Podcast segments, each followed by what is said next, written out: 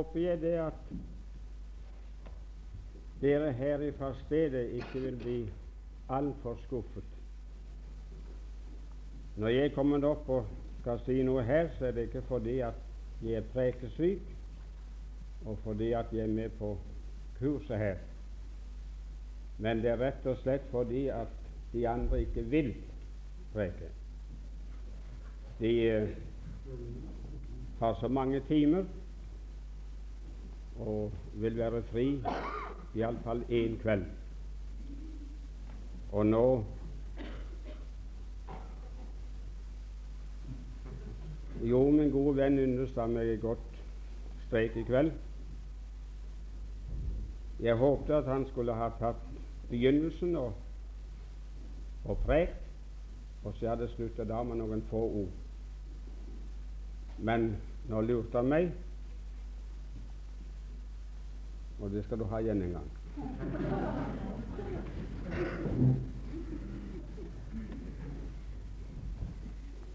Ja, ja.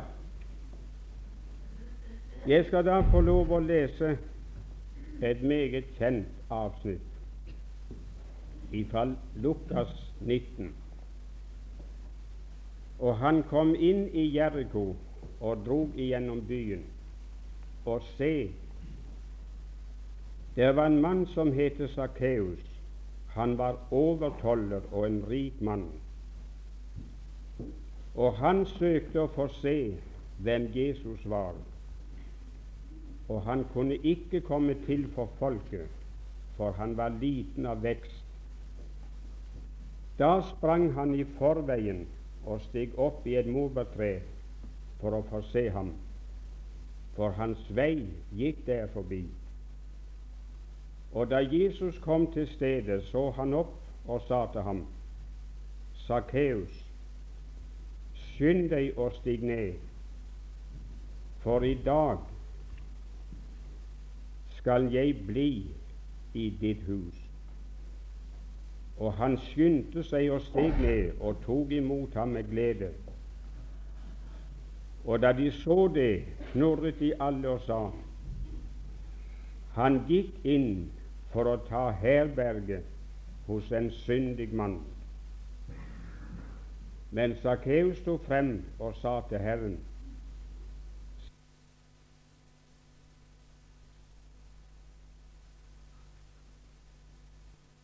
Sett penger ut av noen, gir jeg deg firefold igjen.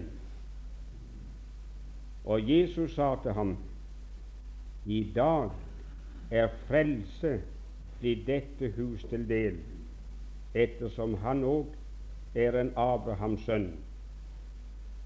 For menneskesønnen er kommet for å søke og frelse det som er fortapt. Amen. Fader i himmelen, før jeg forsøker å si noe om de ordene jeg har lest,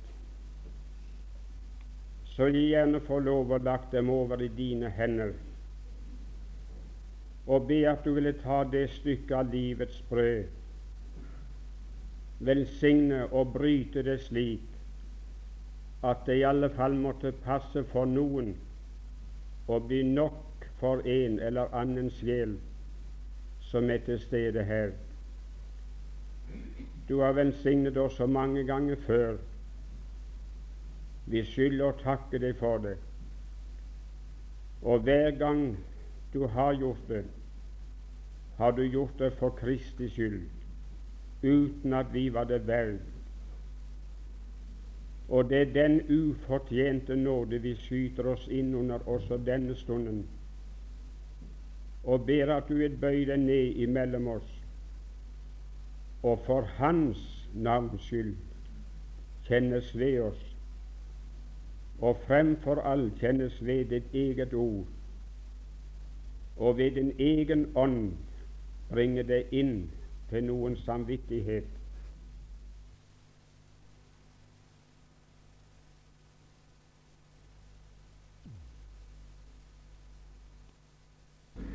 Det er annet spesielt tre ting som jeg selv har stanset opp for når jeg har lest denne beretningen. Den første det er den at når et menneske vil frelses og se den Herre Jesus, så støter han på hindringer. Det har aldri vært et menneske som har søkt frelse, som har søkt å få se Herren som sin personlige frelser, men mindre han har støtt på større eller mindre vanskelighet. For de aller flestes vedkommende så er vanskelighetene Sådan står det iallfall for dem forferdelige og uovervinnelige. Det var en brannmann i en av byene våre for en kort tid siden som ga seg over til Gud på et møte. Og det lyktes ham å komme gjennom og få tro seg frelst. Et par-tre dager etterpå så sto han opp på vitnemøtet og skulle bekjenne hva som hadde skjedd. Det var ikke bare troende til stede, det var en masse uomvendte folk, også en del av hans kolleger. Og så sa han de fleste i forsamlingen her kjenner meg og kjenner mitt yrke. Og de vil forstå meg når jeg sier at jeg har tatt mange tunge og mange vanskelige tak i livet. Men det tyngste tak og tyngste skritt jeg har tatt, det var det jeg tok i forgårdskvelden, da jeg brøt over tvert med alle hensyn og alt som holdt meg tilbake, og ga mitt liv til Herren. Og så har mange sagt, og så vil de aller fleste mennesker si Det var tilfellet når det gjaldt den mann vi leser om her.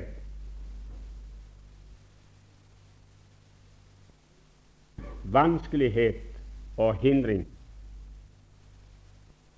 Bedre å legge merke til at den eneste hindring som Den hellige ånd har funnet verd å sette fingeren på, som var i veien for Sakkeus, det var folket. Det var uten tvil også andre hindringer og andre vanskeligheter som gjorde seg gjeldende. Men det ser ut for at den som betød mest for ham, og som var vanskeligst å komme over, det var folket. Han søkte å få se hvem Jesus var, men han kunne ikke komme til for folket.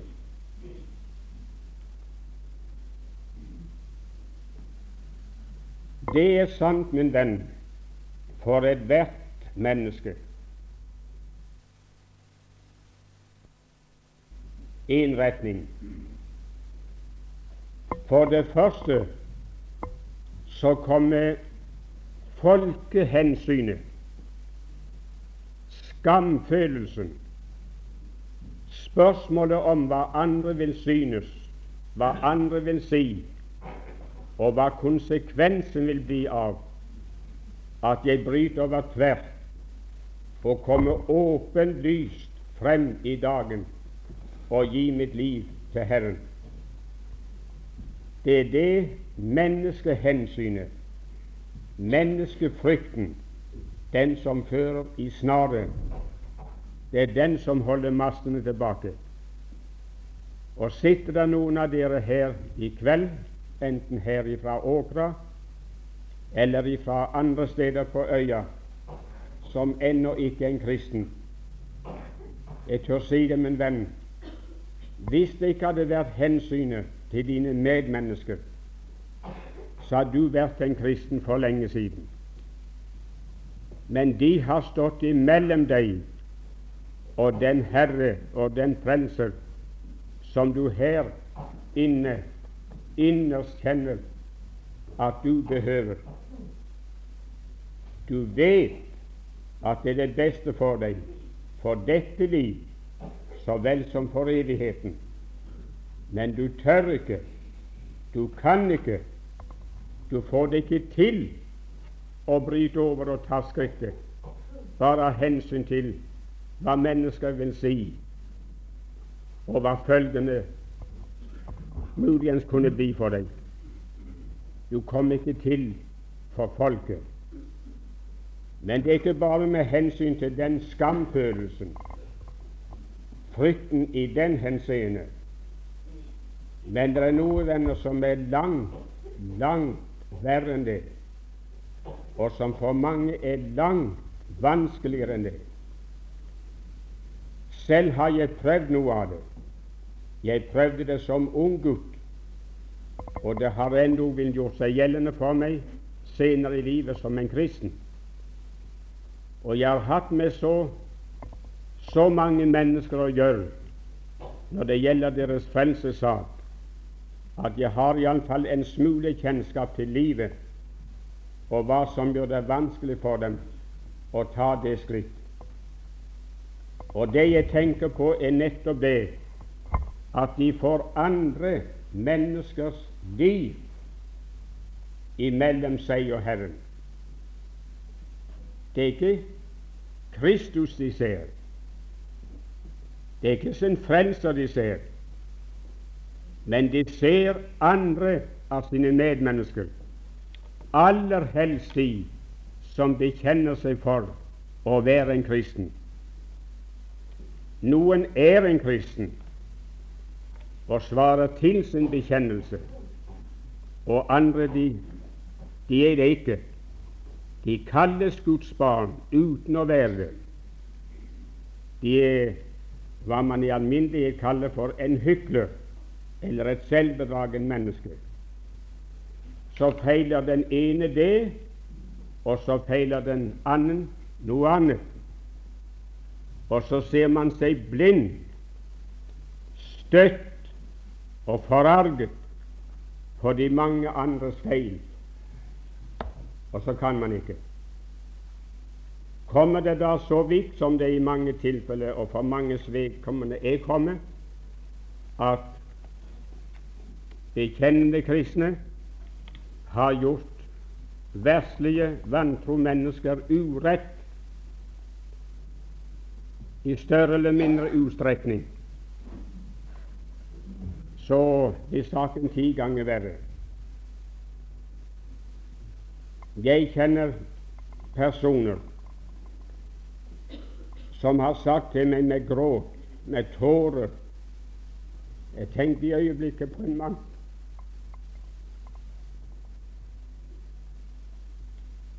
Jeg har svært meget med ham å gjøre.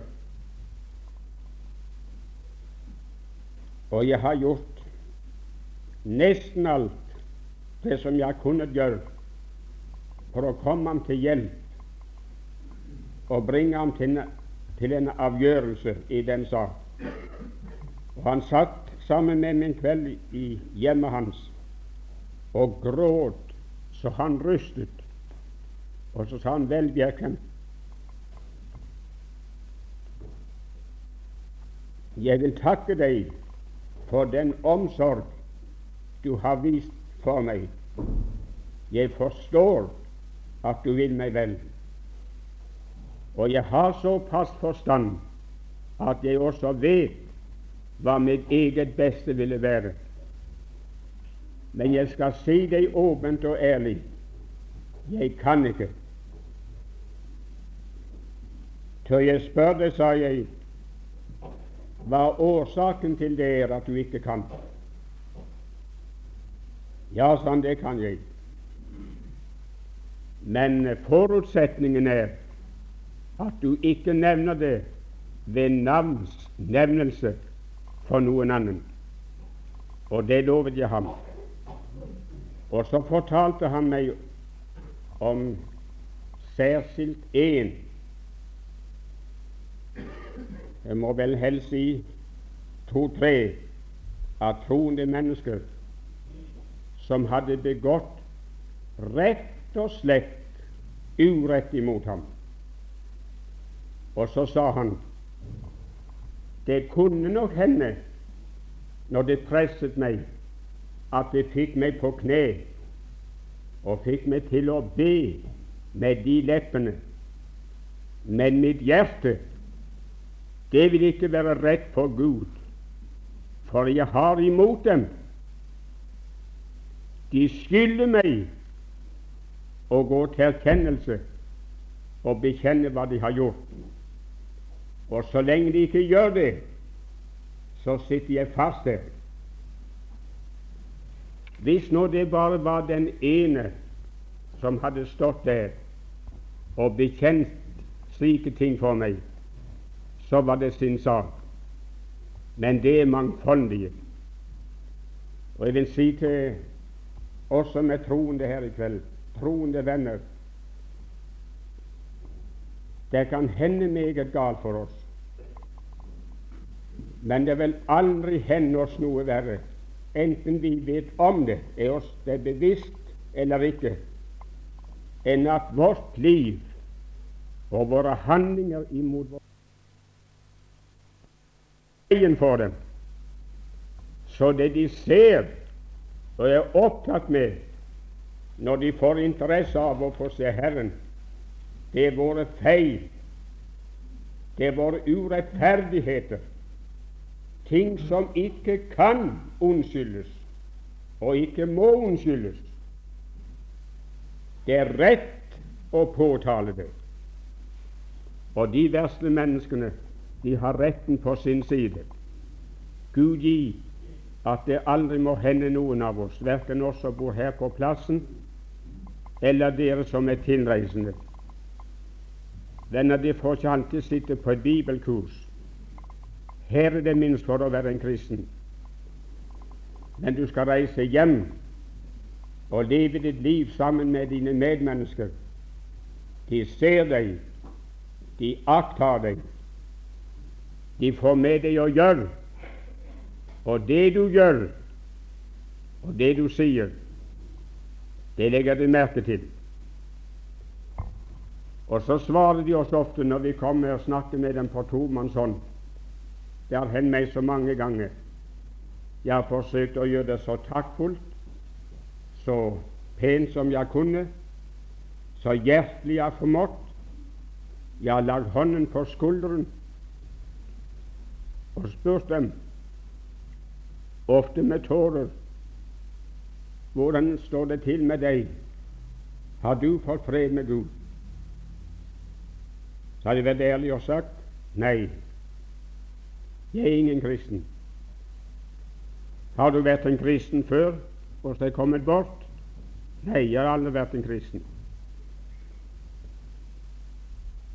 Har Gud kalt deg? Mange ganger. Vet du om at Han kaller deg nå?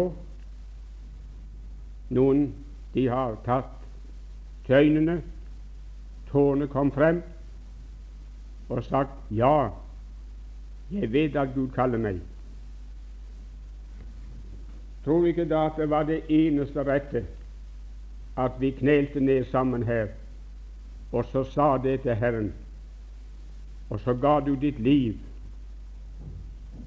til ham som kjøpte deg.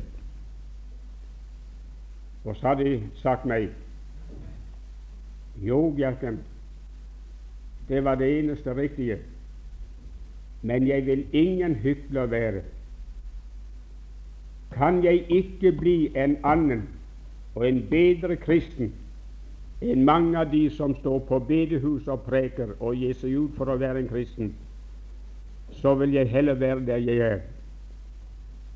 De står vrak på kristendom på grunn av det de har sett hos folket som er kommet mellom dem og Herren. I visse tilfeller så har det vært mulig, ja, lykkes meg, å kunne ta vedkommende som det omtalt i forsvar, og si at det er ikke sant, det du sier. Til mange har jeg sagt det her det høres svært ut, vil du gå med, så skal vi gå til vedkommende og så snakke om den saken og se å få den ut av verden. Men det er vanskelig å få dem med på. Det koster meget, det. Men vi slår vrak, som jeg sa, på sann, levende kristendom på grunn av at en hel del av det som de hører og ser, gir seg ut for kristendom og være kristne. Det mener de er hykleri. Det er ikke ekte. Og så skal de selv ingen slik hykler bli. Og der står de. Jeg vet ikke om det skulle være noen av dere her i kveld som er i den stillingen.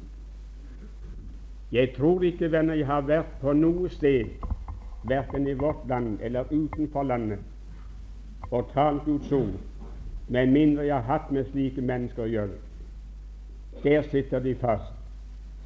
Det er de andres feil, de troendes mangler og feil, som står dem i veien. Det sto meg i veien som ung gutt hjemme i Bjerkreim så jeg vet hva det er. Så det skulle være underlig om du sitter her som vet med deg selv at du ingen personlig kristen er, skulle være en unntakelse. For uh, jeg skal si det, venner, de de her på stedet som de kjenner seg som troende, så vel som på ethvert annet sted. Det er ikke engler, det er alminnelige mennesker og mangelfulle mennesker. Og i mange tilfeller har de mangler som ikke kan unnskyldes og forsvares. Så når de kritiseres og omtales, så er det med full rett.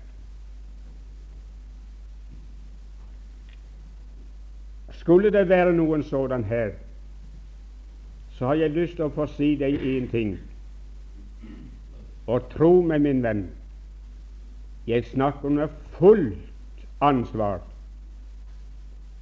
Og der ligger et langt liv av erfaring bak når jeg sier det.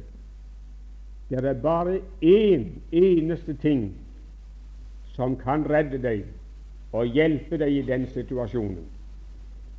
Og det er akkurat det samme som hjalp denne mannen som vi her leste om. Og det er du må legge folket bak deg. Du må legge verden bak deg, hva enhver annen vil si og mene om deg. Og du må endog legge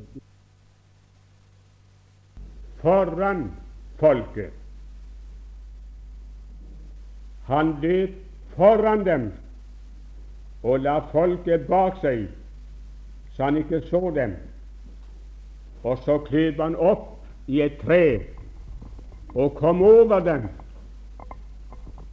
Tok ikke hensyn til dem mer.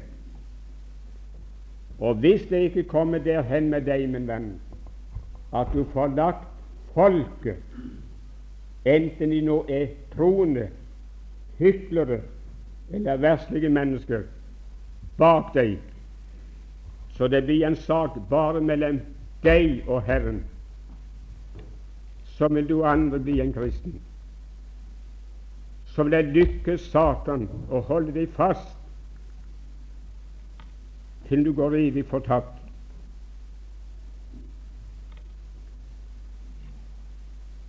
Da jeg var i Amerika, så kjørte jeg en dag sammen med en pastor på sporvognen i eh, Brooklyn, eller i New York. Han spanderte på meg, og da konduktøren kom, så tok han opp en ti cent og betalte for oss begge to. Og uten at konduktøren så på ti centen, hadde han bare mellom fingrene, så sa han unnskyld, den er falsk. This is no good. Så så presten opp. Falsk. Beskylder meg for å fare med falsk mynt. Ja, den er falsk. Han ble kastet tilbake. Han var prest, og han ville nødig vedgå det, at han drev med falske penger. Og så nektet han igjen, og så sa konduktøren skal jeg måtte være nødt til å bevise dem det? Ja, det får de være vennlige å gjøre. Og vet du hva han gjorde? Han tok tisenten og la dem mellom fortennene og be til, og så lå den i tre stykker. Og så sa han, si meg, er den falsk? Jeg syntes synd på den, den pastoren. Jeg kjente ham meget godt. Jeg prekte i hans menighet. Ja, sånn, jeg vedgår det, men det er ikke jeg som har lagd den. Og jeg visste ikke at den var falsk før du beviste meg det. Jeg har mottatt den for ekte vare, for ekte mynt, og ga den ut som ekte mynt. Og så tok han opp en annen tisent fra lommen. Jeg kjenner ingen sa han, men vil du bite i den? Nei, sånn, det behøves ikke. Den ålreit. Den var ekte. Det var jeg selv vitne til. Nå spør jeg dere venner, hvordan tror dere det der virket på meg når jeg faktisk uigjendrivelig så at det var falske penger, falske tisenter, i omløp? Virket det slik at jeg fra den dagen av sa nei takk, jeg tar ikke imot tisenter. Jeg tar ikke imot klingende mynt. For det falske penger jeg merker, så nei takk, jeg skal ikke ha noe av det. Nei, venner, det virker ikke på den måten. Men det virker i den retning at etter den kvelden så så jeg selv nøyere etter enn jeg har gjort før, at de pengene som jeg selv tok imot og benyttet meg av, det var ekte penger. Så mer enn én gang bet jeg i dem for å se om de ekte eller ei. Venner, hvis der, hvis der ikke fantes ekte og sann levende kristendom i verden, så vil det heller ingen hyklere være. Ingen ville etterligne en kristendom som ikke er virkelig. Men det er nettopp fordi det fins sann, levende kristendom til, at det er andre som hykler den og gir seg ut for å være i besittelse av den. Og hør, min venn, la det nå være så at det her på Karmøy, og der hvor du bor, der finnes sånne falske mynter. La være de er det. Det skal bare, min venn, være et varsko for din sjel at du skal se til at det møtet du får med Herren, og den frelse du opplever, den er ekte. Så skal du slippe å svare for de andre, for enhver skal gjøre Gud regnskap for seg selv. Ingen skal svare for meg, og heller ikke skal jeg måtte svare for noen annen, enten jeg hadde få, mange eller ingen feil. Enhver får svare for seg. Og så skal jeg selv en gang stå ansikt til ansikt med den Herre jeg har bekjent. Og det er ikke spørsmål om hva de andre var, de som jeg så, de som jeg levde iblant, de som hadde gjort meg urett, de som hadde snakket vondt om meg, osv. Men det er spørsmål om jeg selv har møtt den Herre Jesus og tatt imot ham som min personlige frelser. Det blir avgjørelsen for min del. Nå håper jeg du forstår hva jeg mener med du må se og legge folket bak deg, min venn.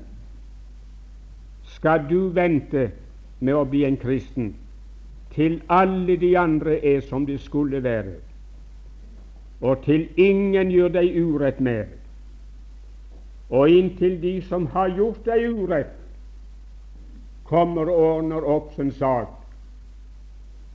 så kan du komme til å dø, min venn og gå fortapt før det skjer. Se og forne din sak med Herren, og så får de andre ordne sin. Så meget vet og forstand har det folk at de vet at det jeg står og snakker om i kveld, det er ikke tøys. Det er fornuft. Det er mening i det. Og er det det, så vær så forstandig, vær så barmhjertig, så hensynsfull imot deg selv og din egen sjel at du handler etter det. Jeg bet merke i en ting som Ramsrud sa her flere kvelder da han var her. Jeg syns det var slående.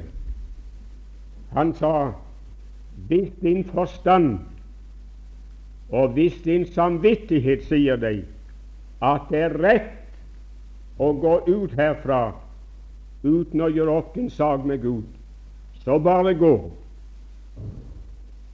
Men hvis din forstand og din samvittighet sier det er rett å så gjøre opp med Gud nå, så må du ikke gå, men så må du ta standpunktet her. Det er fornuftig tale. Det står den forlorne sønn, husker det. Ja, det står på nynorsk, det står ikke så på bokmål. Der står det 'han kom til seg selv'. Ja, ja, det er jo like så godt. For folk som lever uten Gud, som vet at det er en himmel, det er et helvete, de bærer en udødelig sjel, og vet at de kan dø når som helst. De kan dø før en solen lyser på deres ansikt neste morgen, og så likevel fortsette å leve uten Gud. De mennesker de er fra sans og samling. De er ikke med seg selv. Men på nynorsk står det at han tok til vettet og sa til seg sjøl jeg vil stå opp og gå hjem til far min. For hvis jeg blir værende her, så sventer jeg her. Jeg vil ta til forstanden, til mitt vet, og stå opp og gå hjem. Ikke handle som en dåre men som et normalt, ansvarsbevisst menneske. Nå er jeg sikker mer om det, men det er den vei min venn du har å gå. Og går du den vei, så skal du berges, og du kan berges her i kveld. Det andre jeg vil nevne, og det har uh, det har betydd en, en hel del for meg.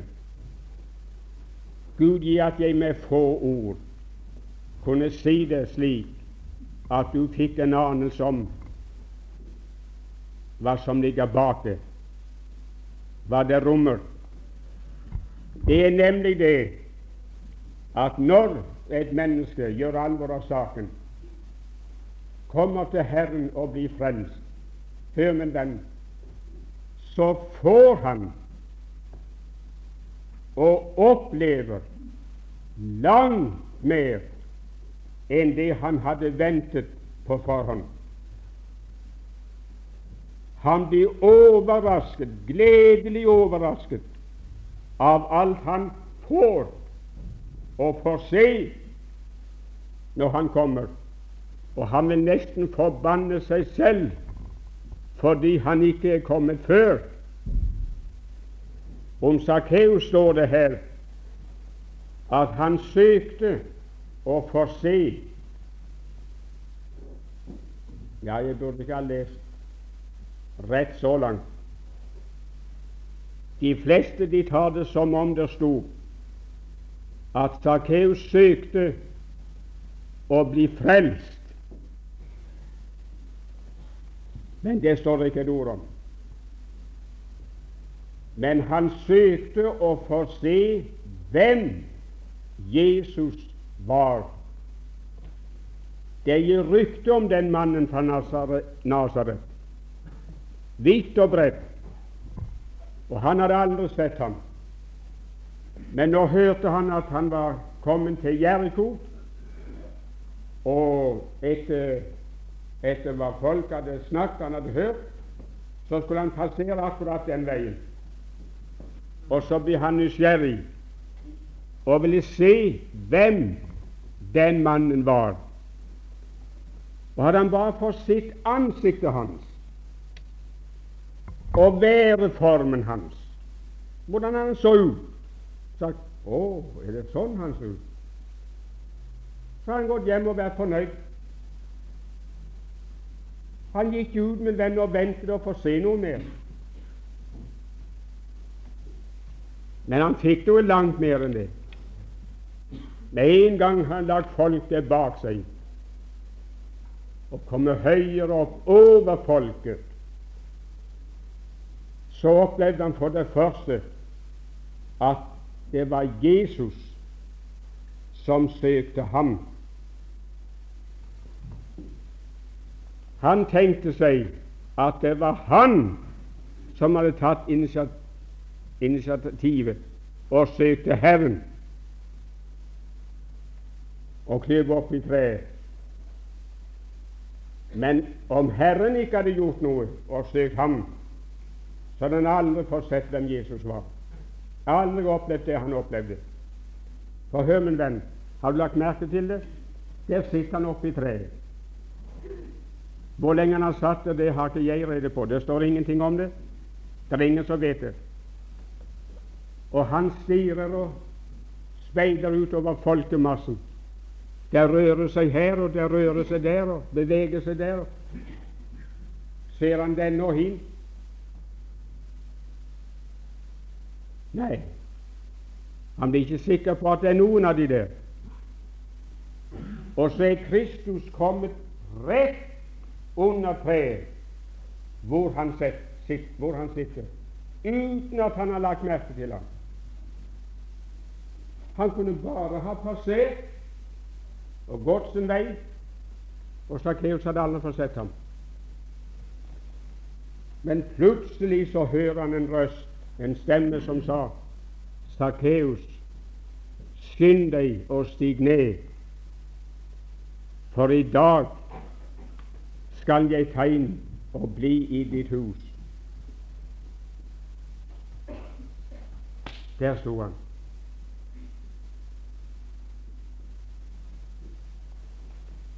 Men venn, jeg tror at det var for den mannens skyld Jesus la sin vei forbi det morbærtreet.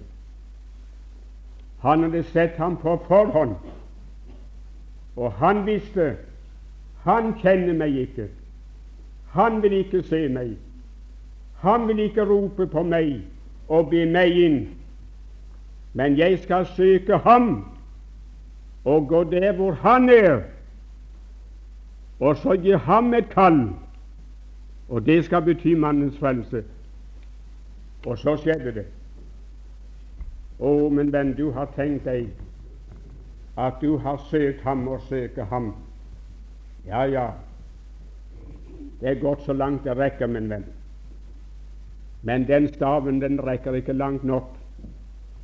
Men hovedsaken er at den frelser som en gang hang slik, naglet et kors på Golgata for din skyld, og kjøpte ditt liv, ditt legeme og din sjel med sitt dyre blod. Han har sett deg og ser deg og har søkt deg sårt og lenge, tryglet deg og bitt deg på mange vis og mange ganger om at du skulle stige ned til ham. Og han søker deg i kveld. Bare det, min uomvendte venn, at du enda en gang er kommet inn i bedehuset her, hvor evangeliet blir forkynt, og hvor du innbys et vitnesbyrd om at Herren søker deg. Det er Han som står bak dine skritt, uten at du vet om det. Og ved disse mine ord har Han rettet et budskap, et kall, en innbydelse til deg igjen. Jeg taler ikke så ofte her som jeg har gjort før.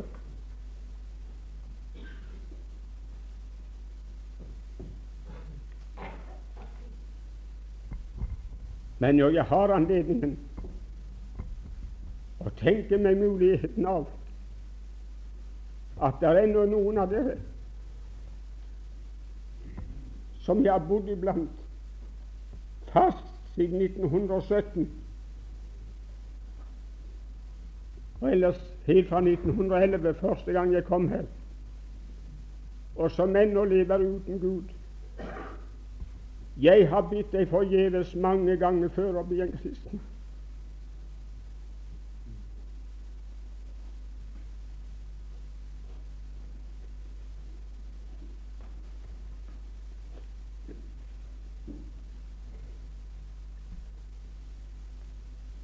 Andre har stått her og bitt deg med tårer og uten tårer mange av dine egne, de som står deg nær, de har bedt for deg, gjort hva de kan for å få deg med, enda du utenfor.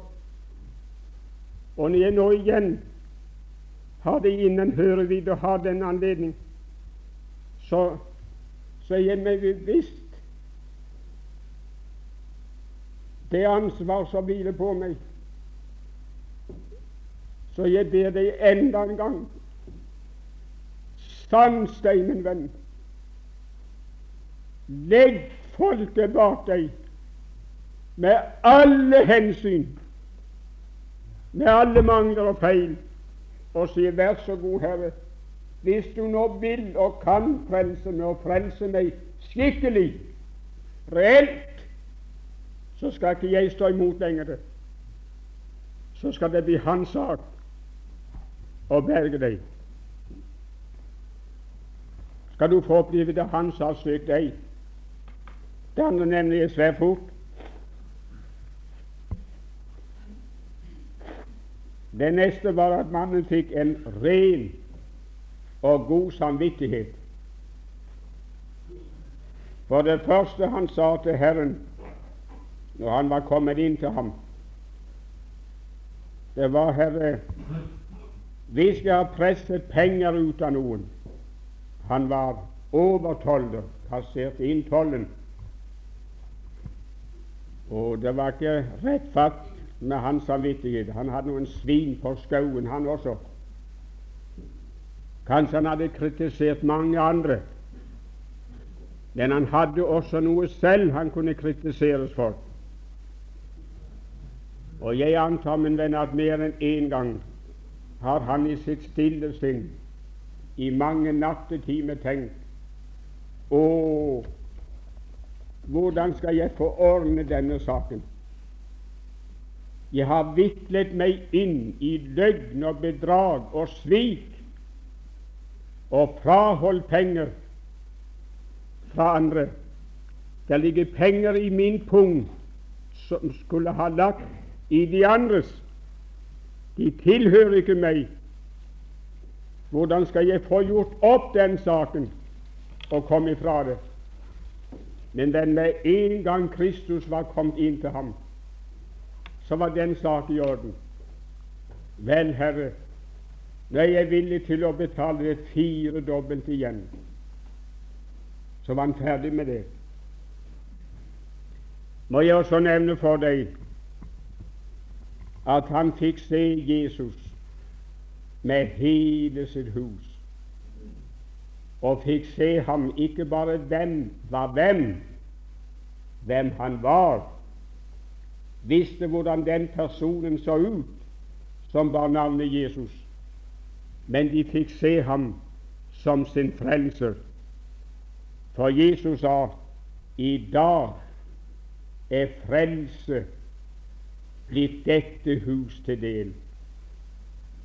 Så han ble frelst, og familien hans, de ble frelst. Det kom en kvinne til meg for en tid tilbake etter et møte. Hun var vel mellom 50 og 60 år. Og så sa hun unnskyld, det var bare et spørsmål jeg hadde før jeg går.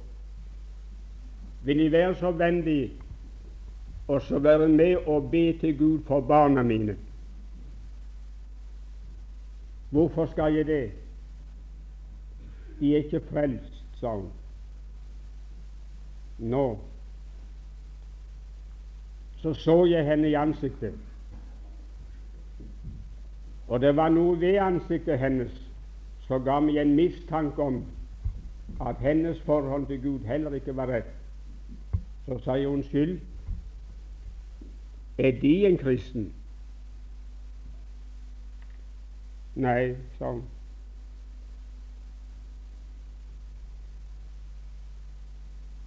Ja, har du bestemt deg for å gi dem over til Gud nå i kveld, og vi skal be til Gud sammen for deg? Jeg kan ikke i kveld. Nei vel, jeg skal ikke tvinge deg, men så vil jeg heller ikke be for dine barn. Så så hun opp. Vil ikke be for barna mine? Nei, sa jeg, det vil jeg ikke. Hun kunne ikke forstå det der. Og så sa jeg, nei, hør nå, mor. Følg du kalles sønn, og ta imot den Herre Jesus, og så vis de syv barna dine at nå har du valgt Kristus, og vil følge ham, så er du selv med og be for dem, og så skal jeg be for dem. Og så tenker du skal få det med deg. Jeg har kort fortalt endte med, før vi gikk det ble alvorlig for henne, det der. Vi knelte ned, hun ga seg over. Hun fikk ikke tro seg frelst for i løpet av to-tre dager. Men da kom hun herlig og klar igjennom. Og så kom hun så lykkelig en kveld og sa Bjerken, tenk, tenk det har skjedd. Jeg trodde aldri jeg kunne bli en kristen, men nå har det hendt. Og han fortalte hvor han går til. Vil du nå be for barna mine? Selvfølgelig. Nå skal jeg med og be for dem. Har du bekjente hjemme? Ja, sa hun. Jeg har sagt det til de alle sammen. Det var det første jeg sa da jeg hadde opplevd det. Ja vel. Så knelte vi ned, og så ba vi for barna hennes. I dag, min venn, er de frelst, hver eneste ene hjemme. Når mor kom, så kom alle de andre. Som regel er det mor som barna følger i hjemmet. Som regel, sier. Så kom du, min venn, og du skal få oppleve at det kan bety frelse for alle dine som enda utenfor. Er det ingen kristne i ditt hjem. Tenk om du ble det. Så fikk Gud kontakt med den familien ved deg, og før du visste ordet av det, så hadde du alle med deg på kne for Herren. La meg så få nevne det uten å si noe om det. Det synes jeg er så vidunderlig. at Herren sa til ham Sakkeus, skynd deg å stige ned, for i dag skal Eller som andre oversetter det i dag bør jeg Hør nå ikke ta inn i ditt hus. Det kunne vært for en time og to, det. Og så gikk han sin vei. Og hver gang var det så i det? Nei, min venn, det står I dag skal jeg bli i ditt hus. Han gikk inn, min venn, for å frelse ham og for å bli hos ham. Og i dag er han i herligheten, sikkert med alle sine. Så kom du, min venn, og Kristus han skal bli hos deg. Han kom ikke på et kort besøk, og så sier han takk for seg, bli fornærmet og går når du ikke er som du skulle være. Nei, min venn, han kom inn for å bli. Og det fikk han oppleve. Til slutt bare bemerker jeg Det skulle jeg nok ha lyst til å sagt atskillig om. For det er en vidunderlig sannhet for min eget hjerte, selv om jeg nå er en gammel kristen. Der står om ham De sa han fikk det vitnesbyrd. Han tok inn til en syndig mann. Han gikk inn for å ta herberge hos en syndig mann. Ja, venner, De har aldri sagt noe mer sant om den Herre Jesus enn nettopp det. De mente det som en forkleinelse av ham. Men det er noe av hans ære og hans heder. Og det var ikke bare den gangen han tok inn til en syndig mann. Men det gjorde han så ofte og så mange ganger at han blir bekjent for det. Så bekjent for det at han blir kalt for tolderes og synderes venn. For han var kommet for å søke å frelse syndere. Og der han slapp inn, der gikk han inn, uansett hvem og uansett hvordan de var. Gud være evig lov. Men jeg har erkjent meg i mange år for å være en syndig mann. Og det har vært så vidunderlig for meg mange ganger at Herren er slik at Han tar inn til syndige mennesker for å bli det. Han er tolderes og synderes venn i dag som han var det før. Det er ingen forandring. Det er ikke skygge forandring hos ham i så henseende. Der står et annet sted, la meg slutte med det, at alle toldere det var utskuddene av syndere i den tiden. Det var landssvikere som alle nasjonalbetonte jøder så ned på, slike som var gått i Roms tjeneste og innkasserte tollen for Rom. Så de var ikke velkomne når de kom med kravet på tollen. Men alle toldere og syndere tok den Herre Jesus i håret og drog de til seg og holdt de fast. Nei, men han, han slapp det. Han slapp det. Der står alle toldere og syndere holdt seg nær til ham og åt sammen med ham. For å si det på en annen måte, å si det kort. De vet her er en del mennesker om hvem vi pleier å si at de har barnetekke. Jeg vet ikke om dere dansker forstår det. Å ha barnetekke. De har det med ansiktet sitt og med stemmen sin og med måten sin. Det er nesten uforklarlig hva det består i. At barna gjerne vil være hos dem. Barnet foretrekker dem og liker dem. Andre derimot, de har ikke det barnetekket. Hvis de skal få løfta en liten gutt og så Kom hit, skal jeg få kjenne hvor tung du er.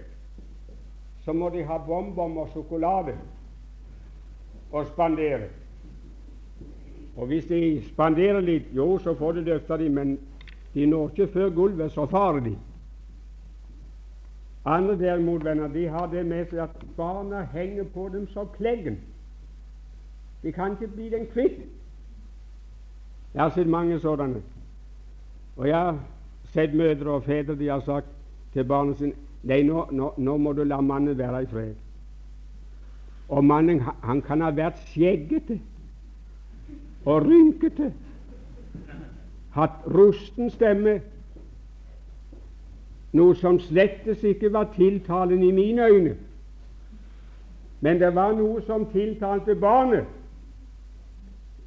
Så de var på knærne hans og var i han støtt og stadig. Å, min venn, kan det sies om mennesker at de har barnetekke?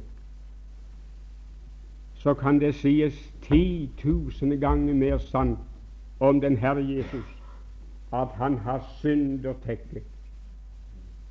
Det var noe ved ham den gang han gikk her som gjorde at syndere de valgte det å være hos ham. De foretrakk ham. Det var noe i stemmen hans når han talte, noe i blikket når han så på dem, som fortalte dem det er en mann for meg. Og så slapp han å ta dem i håret og dra dem til seg. Men de kom søkte ham og holdt seg til ham, og ikke en eneste ble støtt ut. Det tekket, min venn, det har han i dag. Og jeg tror, min venn, om du sitter her som et ufrelst menneske, så bærer du en sjel her innenfor Vesten som kjenner draget av ham.